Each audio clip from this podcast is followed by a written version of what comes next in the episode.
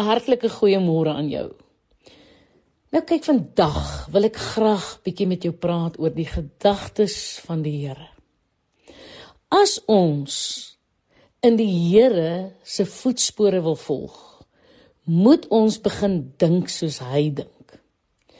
As kinders van die Here het ek en jy 'n nuwe natuur wat eintlik die natuur van God is wat ons ontvang het met ons weergeboorte.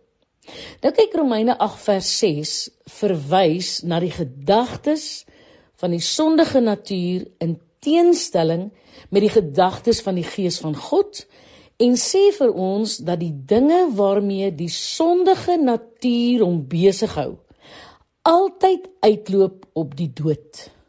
Maar dat die dinge waarmee die gees van God hom besig hou altyd lewe en vrede bring.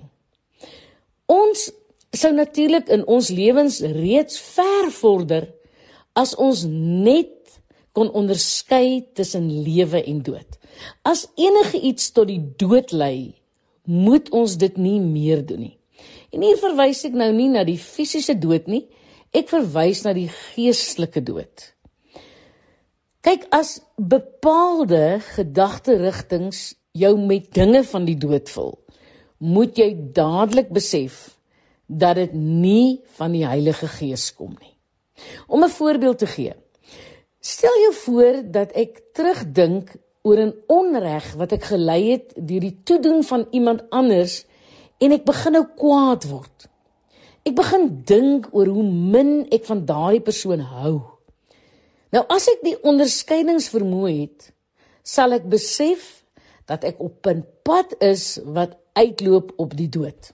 Want kyk, ek raak ontsteld, ek raak gespanne, ek raak gestres en ek mag selfs fisiese ongemak ervaar. Ja, dinge soos hoofpyn, maagpyn en selfs onverklaarbare vermoeidheid mag almal die gevolg wees van my verkeerde denke. Nou aan die ander kant, as ek liewer daaraan dink hoe geseënd ek is en hoe goed God vir my is, sal ek agterkom dat ek met die lewe gevul word. Jong, dit is baie goed as 'n gelowige kan leer om die lewe en die dood in sy gemoed raak te sien. Ja, Jesus wil ons vul met die lewe deur sy gedagtes vir ons te gee. En ons kan verseker kies om volgens Christus se gedagtes te lewe. Nou, Wat moet ons doen om te lewe met die gedagtes van Christus? Ons moet positiewe gedagtes dink. Daar kan nooit ooit genoeg gesê word oor die krag van positiewe denke nie.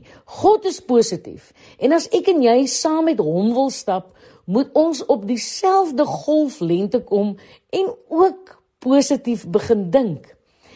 Ek praat nie van die beheer van jou gedagtes nie, maar dat jy eenvoudig in die algemeen 'n positiewe mens moet wees. Jy moet 'n positiewe uitkyk en 'n positiewe houding hê. Hou vol met positiewe gedagtes en positiewe verwagtinge. Sorg dat jou gesprekke altyd positief van aard is. Die gedagtes van Jesus in ons is positief. As ons dus negatiewe dinge begin dink, is dit glad nie volgens sy wil nie. Nou miljoene mense ly aan depressie. Ek dink glad nie dis moontlik om depressief te wees sonder om negatief te wees nie. Tensy dit natuurlik uh die toestand van 'n mediese oorsprong is. Maar selfs in daardie geval sal negatiewe denke net die probleem en sy simptome vererger.